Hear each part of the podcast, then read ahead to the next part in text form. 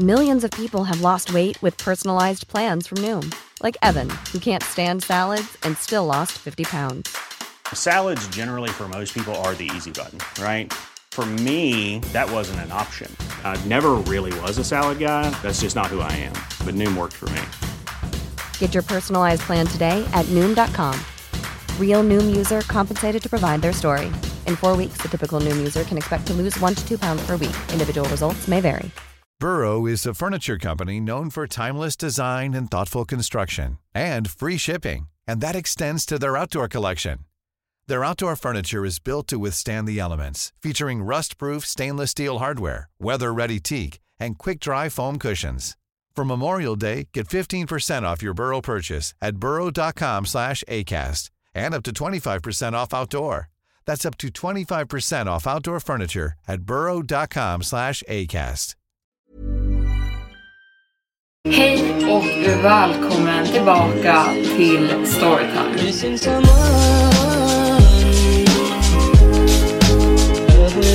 Varmt välkomna tillbaka till Storytime-podden med mig, Evelin Blomfelt. Det här är då en skräckpodd där jag varje vecka berättar nya läskiga berättelser om creepypastor, stalkerberättelser, mordhistorier, hemsökelser och allting annat obehagligt. Jag hoppas att ni kommer tycka om dagens avsnitt. Det är två liknande berättelser som liknar varandra men ändå inte. Och båda handlar om kidnappningsfall.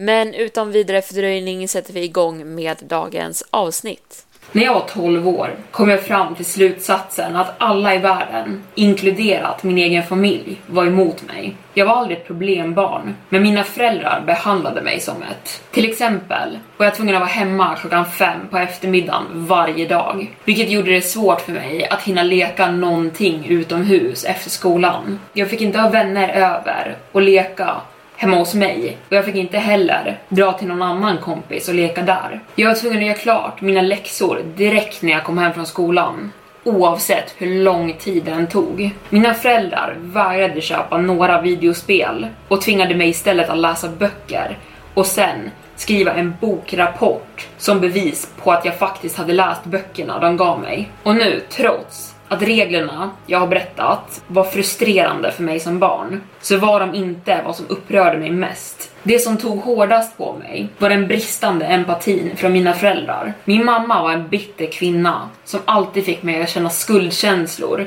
så fort jag gjorde misstag eller olyckor skedde. Och min pappa hade bara en enda känsla, frustration. Den enda gången han faktiskt talade med mig var när han skrek på mig över att jag hade fått dåliga resultat på ett prov eller när jag hade varit olydig. Men nog om dem. Låt oss börja prata om min skolas psykolog. För hans skull kallar vi honom Dr. Tanner. Och som på de flesta skolor så finns en kurator alltid tillgänglig under skoltimmarna för alla elever oavsett om man behöver råd med någonting känslomässigt, akademiskt, socialt eller andra problem man kan ha. Och för att vara ärlig hade jag aldrig sett några elever faktiskt prata med Dr. Tanner. Varje dag gick jag förbi hans kontor på vägen till kafeterian och kollade in i det lilla fönstret på hans dörr. Han satt alltid ensam där inne och jobbade med pappersarbete. Jag antar att de flesta ungarna var för rädda för att prata med en vuxen som i praktiskt taget var en främling. Och för den här anledningen tog det mig tre veckor att samla mod att gå in i hans kontor.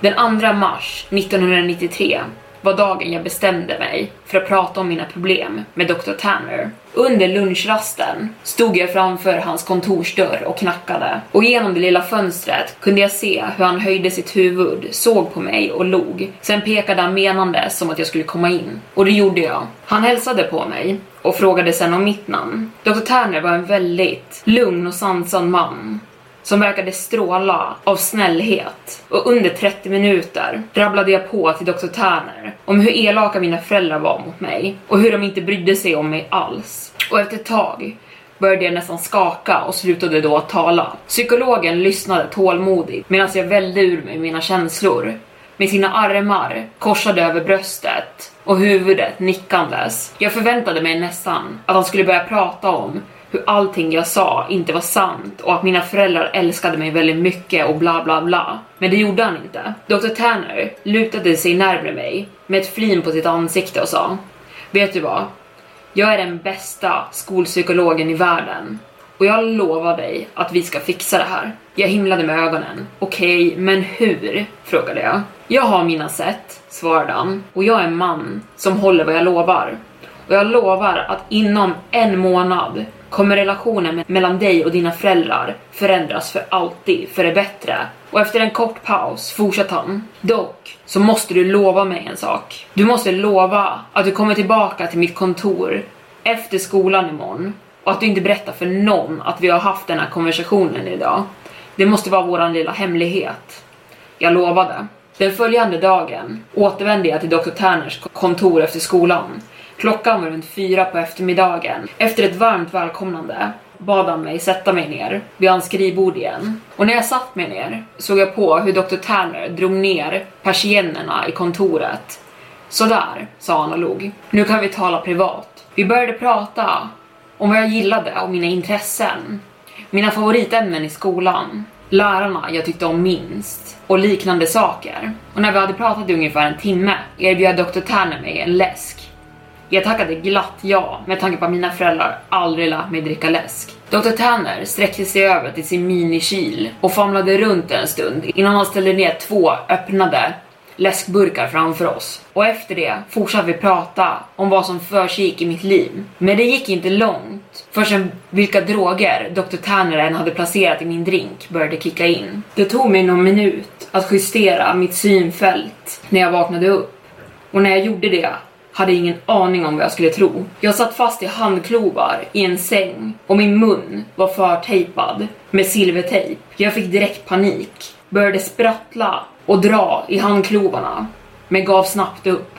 Mina ögon vidgades av misstro när jag såg mig om i rummet. Det fanns affischer på superhjältar uppsatta längs väggarna och fotografier på berömda atleter placerade på hyllorna runt om rummet. Mitt i rummet stod en gammal TV och Super Nintendo och flera spel uppradade på varandra bredvid den. Jag visste inte vad jag skulle tro. Här är jag i ett rum fullt av saker flera ungar skulle dö för att leka med. Jag skulle förmodligen gråtit av glädje om det inte var för att jag satt fast i handklovar i en sängkarm. Min mage sjönk ännu en gång när dörren öppnades och Dr. Tanner klev in. Han satte sig på sängkanten. Lyssna här, sa han. Kom ihåg att jag är här för att hjälpa dig och jag skulle aldrig skada dig, okej? Okay? Dr. Tanner, tog försiktigt bort tejpen från min mun och sen frigjorde han mina händer från handklovarna. Min första instinkt var att börja gråta men det var någonting med Dr. Tanner som fick mig att känna mig säker. Han log mot mig. Du kommer stanna här ett tag. Sen fortsatte han.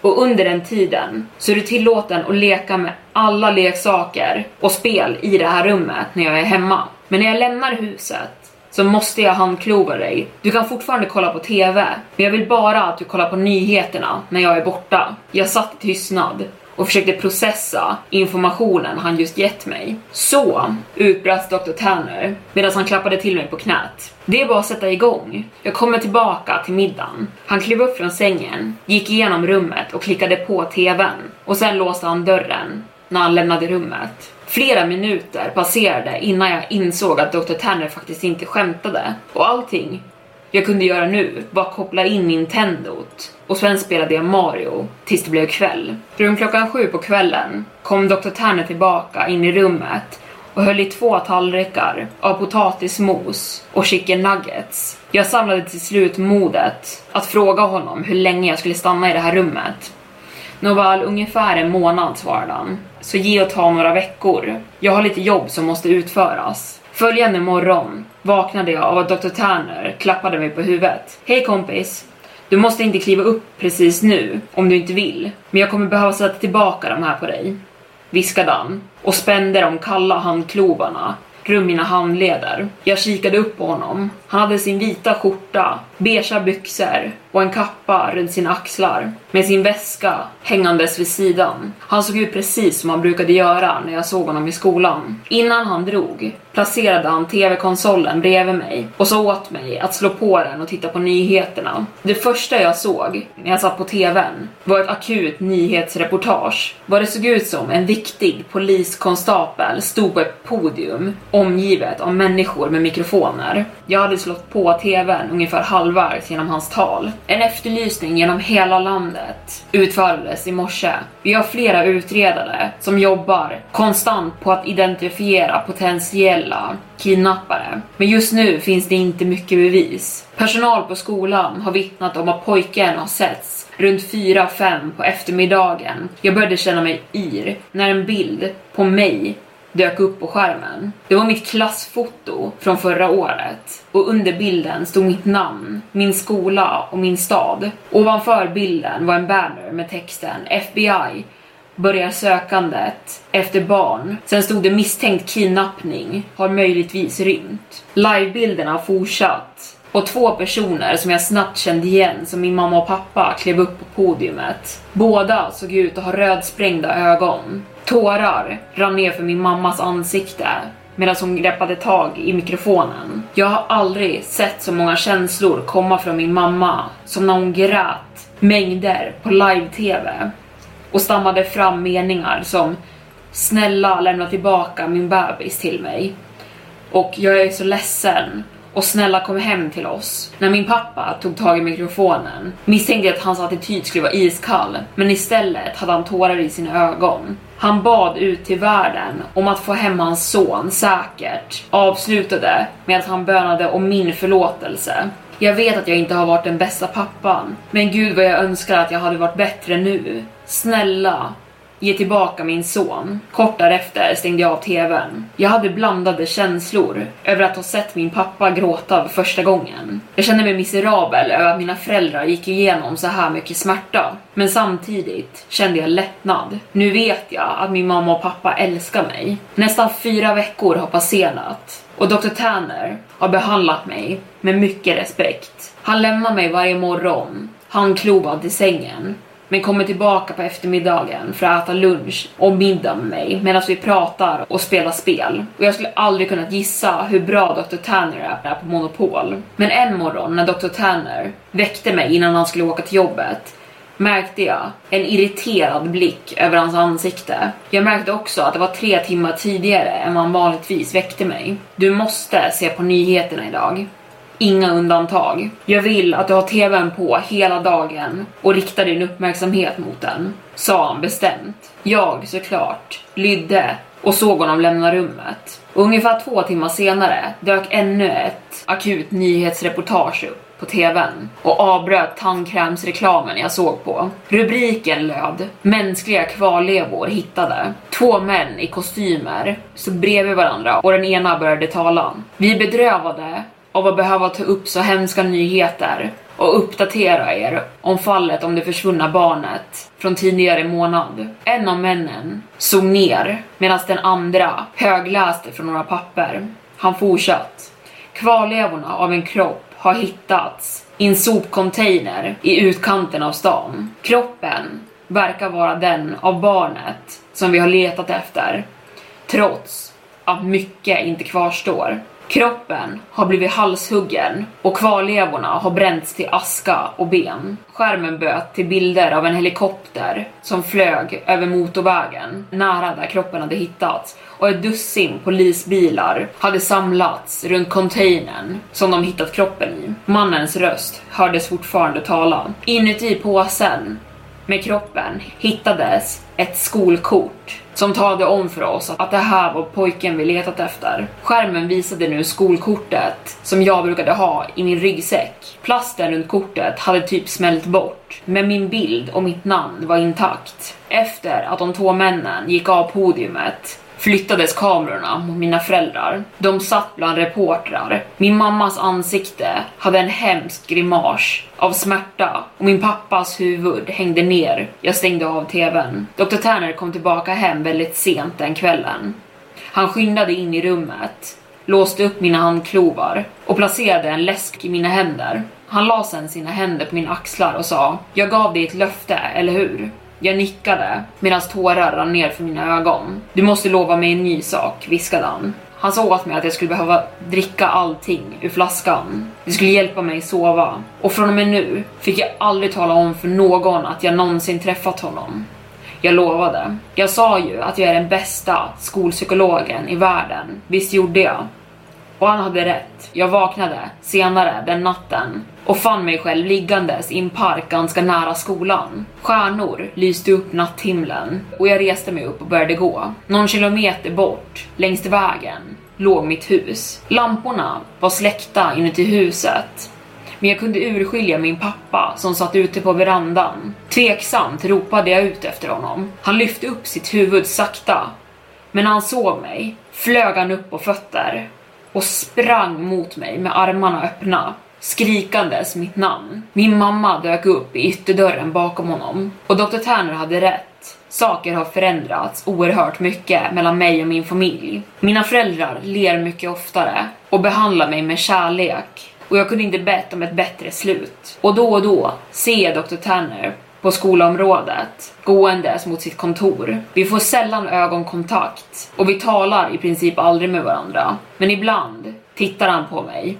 blinkar och ler. Och jag har alltid hållit mitt löfte till honom och låtsas som att vi aldrig har träffats. Men det kommer för alltid vara en fråga i mitt huvud som jag inte kan släppa. Vem hade Dr. Tanner huggit huvudet av och bränt i en container? Nästa berättelse. Jag prankade aldrig mina föräldrar igen efter den här incidenten. Jag var 11 år när det hände och redan som ett barn visste jag någonting inte var riktigt rätt över händelserna som tog plats. Och trots att det aldrig togs upp under några omständigheter igen av någon av mina föräldrar så är det någonting som alltid har fastnat med mig. Jag kan inte påstå att det är minnen jag har försökt förtränga eller någonting med tanke på att det alltid finns i mitt bakhuvud och det plågar mig lite som en klåda som man inte kommer åt att klia på. Och det är först när jag blev vuxen då jag faktiskt insåg hur extremt märkligt och konstigt det hela var. Och jag kände hur det livliga minnet började krypa tillbaka. Och flera gånger under årens gång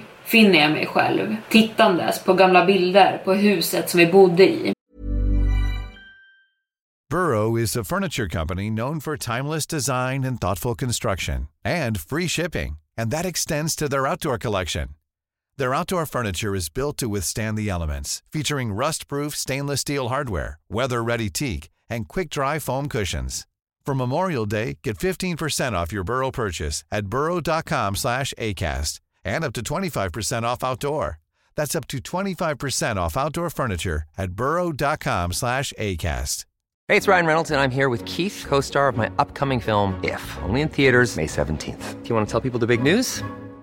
All right, I'll do it. Sign up now and you'll get unlimited for $15 a month in six months of Paramount Plus Essential Plan on us. Mintmobile.com slash switch. Upfront payment of $45 equivalent to $15 per month. Unlimited over 40 gigabytes per month. Face lower speeds. Videos at 480p. Active Mint customers by 531.24 get six months of Paramount Plus Essential Plan. Auto renews after six months. Offer ends May 31st, 2024. Separate Paramount Plus registration required. Terms and conditions apply if rated PG. I'm Sandra, and I'm just the professional your small business was looking for. But you didn't hire me because you didn't use LinkedIn jobs. LinkedIn has professionals you can't find anywhere else, including those who aren't actively looking for a new job but might be open to the perfect role, like me.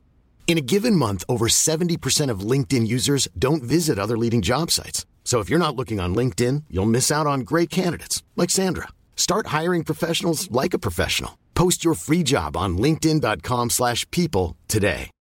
Millions of people have lost weight with personalized plans from Noom, like Evan, who can't stand salads and still lost 50 pounds. Salads, generally, for most people, are the easy button, right? For me, that wasn't an option. I never really was a salad guy. That's just not who I am. But Noom worked for me. Get your personalized plan today at Noom.com. Real Noom user compensated to provide their story. In four weeks, the typical Noom user can expect to lose one to two pounds per week. Individual results may vary. På webben bara för att inse att det ser exakt likadant ut fortfarande. Och det verkar inte som att någon annan har bott där efter att vi gjorde det och abrupt blev tvungna att åka därifrån. Jag kommer ihåg allt, men min nyfikenhet har nedtonats enbart av skräcken jag också känner för det. Mina föräldrar har gått bort nu, så jag kan inte fråga dem längre. Vilket förmodligen är för det bästa med tanke på vad de båda gick igenom. Speciellt min mamma. Det är bara jag nu. Agenten som hade hand om fallet kanske lever än. Men jag tänker absolut inte resa tillbaka dit för att fråga honom. Och jag är rätt säker på att det sista han vill är att träffa mig. Så som jag sa, det lämnar mig och er som läser det här. Och djupt inom mig har jag kommit fram till slutsatsen om att jag aldrig kommer få svar på vad som faktiskt hände. Men jag slänger ändå ut det här, utifall någon av er har en blekaste aning. Och även om ni inte har det, så kommer ni i alla fall veta min historia och förstå varför jag aldrig prankade mina föräldrar igen efter det hände. Så det började med att min familj och mina föräldrar gick igenom en jobbig period och de bråkade nästan varje dag. Och det hjälpte inte att min pappa nyligen hade förlorat sitt jobb. Och sen en dag berättade min mamma för mig att vi behövde flytta till Rumänien. Jag visste inte ens vart det var, men jag ville verkligen inte flytta någon annanstans. Jag ville inte lämna mina vänner och börja om helt nytt. Och bara tanken på det gav mig ångest och gjorde mig stressad. Hon förklarade att hon hade fått ett jobb för en filmproduktion som skulle äga rum där och jag frågade henne hur länge vi skulle behöva stanna där. Men hon varken kunde eller ville svara på exakt hur länge. Och jag tror min pappa klandrade henne för det. Han var förmodligen bitter över att vi var tvungna att förlita oss på hennes inkomst och att hon behövde betala allting för oss. Så vi flyttade till en liten by i Rumänien. Och just då var allt jag kunde tänka på hur mycket jag hatade det. Med tanke på att jag var van med att bo i en ganska stor stad och alla bekvämligheter som kom med det. Jag var en liten otacksam skitunge på den tiden. Men hela situationen hjälpte inte mig på något sätt. Och speciellt inte på hemmafronten. Saker blev inte direkt bättre mellan mina föräldrar. Och jag hade ingenting eller någonstans att ta vägen på min fritid. Skolan blev olidlig med tanke på att inga av eleverna pratade bra engelska och lärarna brydde sig inte direkt heller. De trodde förmodligen att jag skulle flytta hem tillbaka till mitt hemland och orkade därför inte anstränga sig särskilt mycket med mig. Och allting det här ledde till att jag gjorde ett typiskt rop för hjälp. Jag tänkte att den enda naturliga saken för mig att göra var att rymma hemifrån. Det skulle vara ett sätt för mig att hämnas på mina föräldrar. Jag tänkte att de kanske skulle förstå hur mycket jag hatade det här och att vi skulle kunna flytta tillbaka till vårt hemland igen. Så jag spenderade några dagar på att planera hur jag skulle göra det. Och såklart så hade jag inga intentioner på att faktiskt rymma och gå igenom besväret att sova utomhus. Så istället skulle jag bara få det att se ut som att jag hade rymt. Och jag tänkte att slutresultatet skulle bli detsamma. I huset vi bodde fanns en gammal vind, full av saker som de tidigare ägarna hade lämnat kvar. Jag antar att de bara hade för mycket saker för att få med sig allting när de flyttade. Och min mamma ville inte att jag skulle vara där uppe, med tanke på hur dammigt och skitigt det var och förmodligen fyllt av råttor och kryp större än mina händer. Och hon hade rätt. Vinden såg verkligen ut som att den aldrig hade städats. När jag utforskade vinden en dag hittade jag en liten svart garderob. Eller kanske var en kista av något slag. Jag kommer inte riktigt ihåg hur den såg ut. Allt jag visste var att det var det perfekta stället att gömma sig på. Så under de nästkommande dagarna köpte jag hem snacks och några läsk och la dem i min ryggsäck. Resten av den så kallade planen berodde på om mina föräldrar skulle ta betet eller inte. Mitt rum låg på markplan, en liten bit över marken. Jag lämnade fönstret, knöt slarvigt ihop några lakan från min säng till ett rep och hissade ner dem från fönstret till marken. Och efter att de skulle ha sett sig omkring skulle mina föräldrar inse att min ryggsäck, mina ytterkläder och mina skor var borta och då tro att jag verkligen hade dragit. När jag i själva verket skulle gömma mig precis ovanför dem på vinden. Jag kan inte påstå att jag tänkte igenom varje aspekt av det här, men jag hade några viktiga saker genomtänkta. Om jag skulle behöva gå på toaletten så tänkte jag att jag lika gärna kunde kissa i hörnet på vinden med tanke på att det redan fanns en väldigt gammal och äcklig lukt här inne. Man skulle inte kunna urskilja stanken av kiss från resten. Och i den åldern hade jag lärt mig allt jag visste från brottsserier på TVn. Så såklart hade jag övervägt möjligheten av att de skulle använda hundar för att spåra upp mig om jag försvann. Men som tur var för mig, veckan av min eskapad hade polisen haft en sorts jobbpresentation på våran skola och en kvinna från den lokala polisstationen förklarade att eftersom deras budget hade förminskats och andra problem som uppstått så hade polisen inga tillgängliga hundar just för stunden. Jag klev upp mitt i natten och satte igång med allting jag behövde göra. Och så fort jag var klar med mitt sovrum så gjorde jag klart allting på vinden och gömde mig. Och nu när allting var klart blev det bara en väntelek för mig. Och nu när allting var klart var det bara att vänta för mig. Trots att jag inte hade någon aning om hur länge jag skulle orka stanna på samma plats. Jag kanske skulle bli uttråkad ganska snabbt. Och mitt barnsliga matförråd skulle förmodligen sina relativt fort. Och bortsett från det så förväntade jag mig nästan att bli hittad nästan direkt. Jag somnade ganska snabbt efter att jag lagt mig till rätta på gömstället och vaknade tidigt på morgonen till ljudet av mina föräldrars röster. De ropade mitt namn och letade efter mig både inuti och utanför huset. Först var det inte så illa, men deras röster blev högre, argare och till slut desperata i tonen. Och jag kände mig urusel när jag hörde min mammas röst krackelera och jag insåg hur mycket trubbel jag skulle vara i när de till slut hittade mig. Vilket är varför jag där och då beslutade mig för att fortsätta gömma mig. För rädd för att kliva ut nu.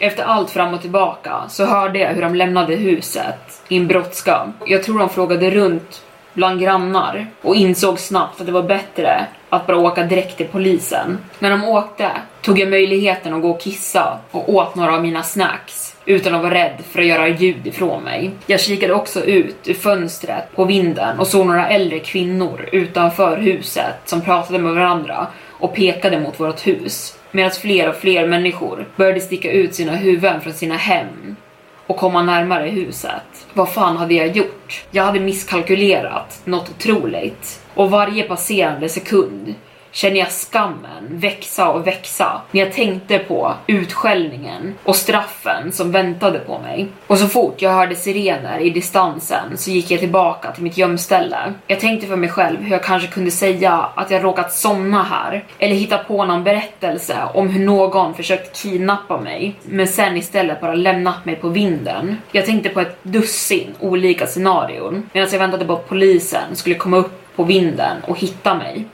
Men det gjorde de aldrig. De kom upp på vinden vid en punkt, men de lämnade den snabbt. Det var tumult nere i huset medan de letade igenom varenda vrå nere i vårt hus. Jag hörde ett högt ljud nerifrån gatan och insåg att någon talade i en högtalare. Jag kröp ut ur mitt gömställe ännu en gång och såg ut genom fönstret. Bortsett från några polisbilar kunde jag se ett dussin män och kvinnor som hade samlats utanför. Jag förstod inte vad mannen med högtalaren sa för någonting. Men när jag såg alla börja gå sida vid sida mot samma håll insåg jag att de skulle gå skallgång genom den närliggande skogen. Jag trodde aldrig att saker skulle eskalera så här mycket. Det är jag säker på. Men det var logiskt ändå. Jag kunde till och med se utkanten av skogen när de alla rörde sig mot den. Jag visste att mina föräldrar hade stannat hemma, för jag kunde höra min pappa försöka lugna ner min mamma på nedervåningen. Jag vet att jag redan har sagt det ett antal gånger nu, men jag kände mig urusel. Jag ville gå ner och krama om dem och be om ursäkt, men jag var också så himla rädd för konsekvenserna. Jag kunde inte hantera tanken av att jag kanske hade fått mig och mina föräldrar i seriös knipa eftersom att polisen hade blandats in. Och vid det här laget var jag som fastklistrad vid fönstret. Och jag hade åtminstone bestämt att jag inte tänkte gömma mig längre. Jag ville bara att någon skulle komma upp på vinden och hitta mig. Eftersom att jag var alldeles för rädd att gå ner själv och erkänna mina misstag. Jag vet att jag bara var 11 vid tidpunkten, men jag visste redan då att det jag gjorde var fel. Jag hade bara inte modet att göra något åt det då. Några timmar passerade och en ambulans rullade sakta in på gatan och parkerade bredvid vårt hus. Jag förstod inte då varför någon hade ringt efter en ambulans eftersom att jag inte var skadad. Men sen såg jag flera män komma ut med en bår och skynda sig mot skogen. Och kort därefter kunde jag se flera ficklampor dyka upp ur skogslinjen, vilket indikerade att sökandet hade avslutats. Jag insåg direkt att någon kanske hade skadats under sökandet och jag började få panik igen. Hur seriöst var det? Tänk om någon hade dött på grund av mig? Mina öron började ringa och mitt hjärta slog så hårt att jag trodde att jag skulle svimma. Och väntan på att alla skulle komma tillbaka till huset var fruktansvärd. Och det verkade som de tog sin tid. Som att de fruktade stunden de skulle behöva träffa mina föräldrar. Vilket var logiskt med tanke på att de förmodligen inte skulle ha hittat mig än. Men det var inte det som var fallet. Sjukvårdarna var de första som kom tillbaka. Och när jag såg båren de bar på förlorade jag nästan fotfästet. Det var någon som låg på båren men han eller hon var täckt hela vägen upp och det var då jag insåg att det var en död person. Förmodligen död för mitt dumma prank.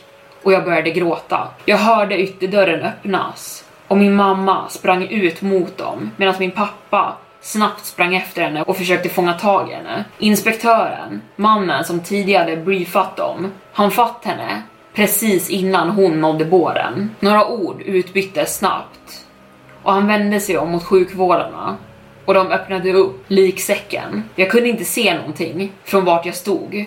Men det spelade ingen roll, för allting kändes extremt overkligt. Det var den första och tacksamt sista gången jag någonsin hört det där smärtsamma skriket. Det kändes som att någonting gick sönder i mig när jag hörde det. Att veta att vad jag än hade gjort, eller vad det än var som hade hänt nu, hade orsakat sån hemsk smärta för min mamma. Jag kan inte minnas vad jag tänkte där och då. Allt jag visste var att det här var någonting min mamma, eller vilken mamma som helst, aldrig skulle återhämta sig från. Och att veta att jag var orsaken till det gjorde mig extremt ledsen. Ännu till den här dagen kan jag inte riktigt förlåta mig själv. Hon skrek och grät medan min pappa och inspektören drog henne tillbaka mot huset. Det var då jag beslutade att jag hade fått nog. Jag ville se henne och veta att hon var okej. Okay.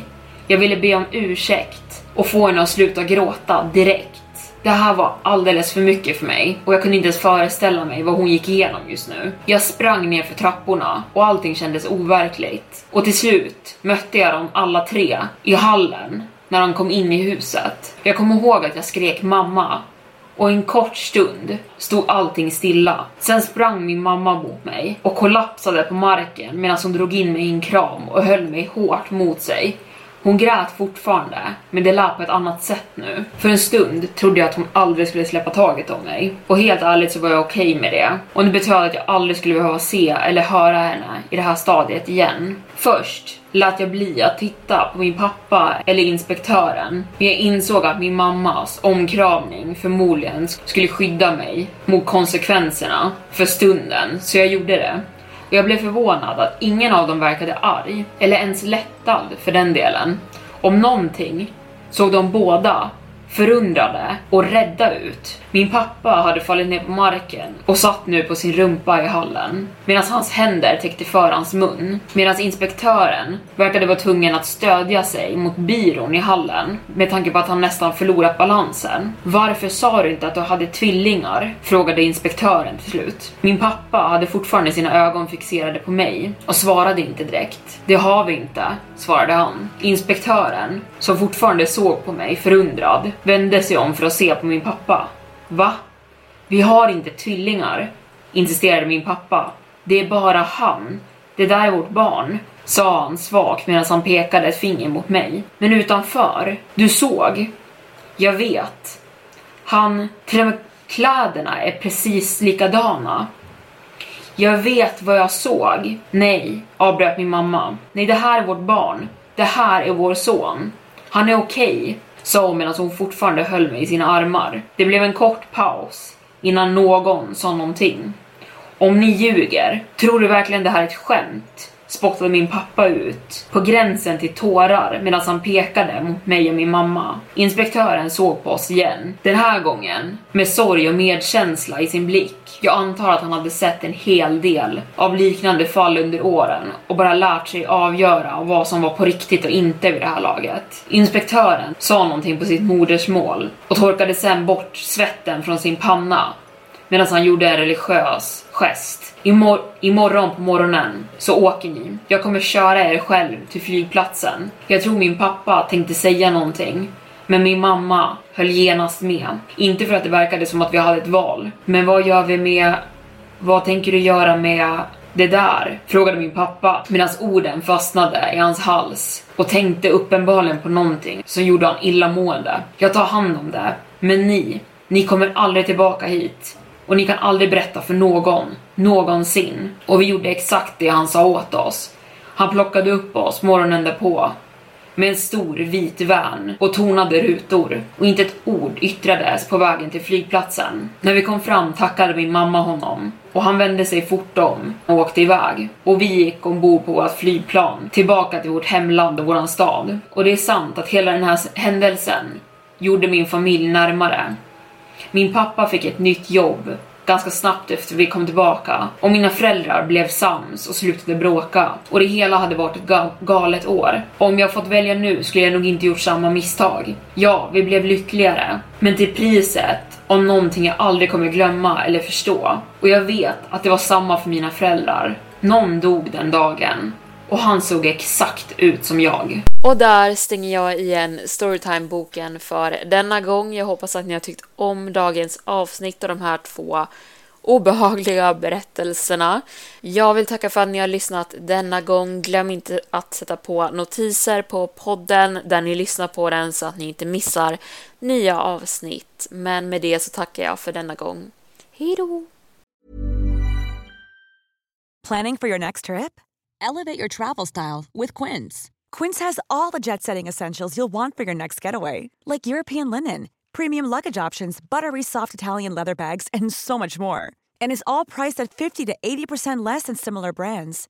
Plus, Quince only works with factories that use safe and ethical manufacturing practices.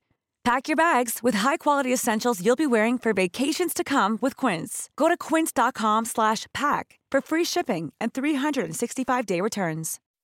When you make decisions for your company, you look for the no-brainers. If you have a lot of mailing to do, stamps.com is the ultimate no-brainer. Use the stamps.com mobile app to mail everything you need to keep your business running with up to 89% off USPS and UPS. Make the same no-brainer decision as over 1 million other businesses with stamps.com. Use code program for a special offer. That's stamps.com, code program.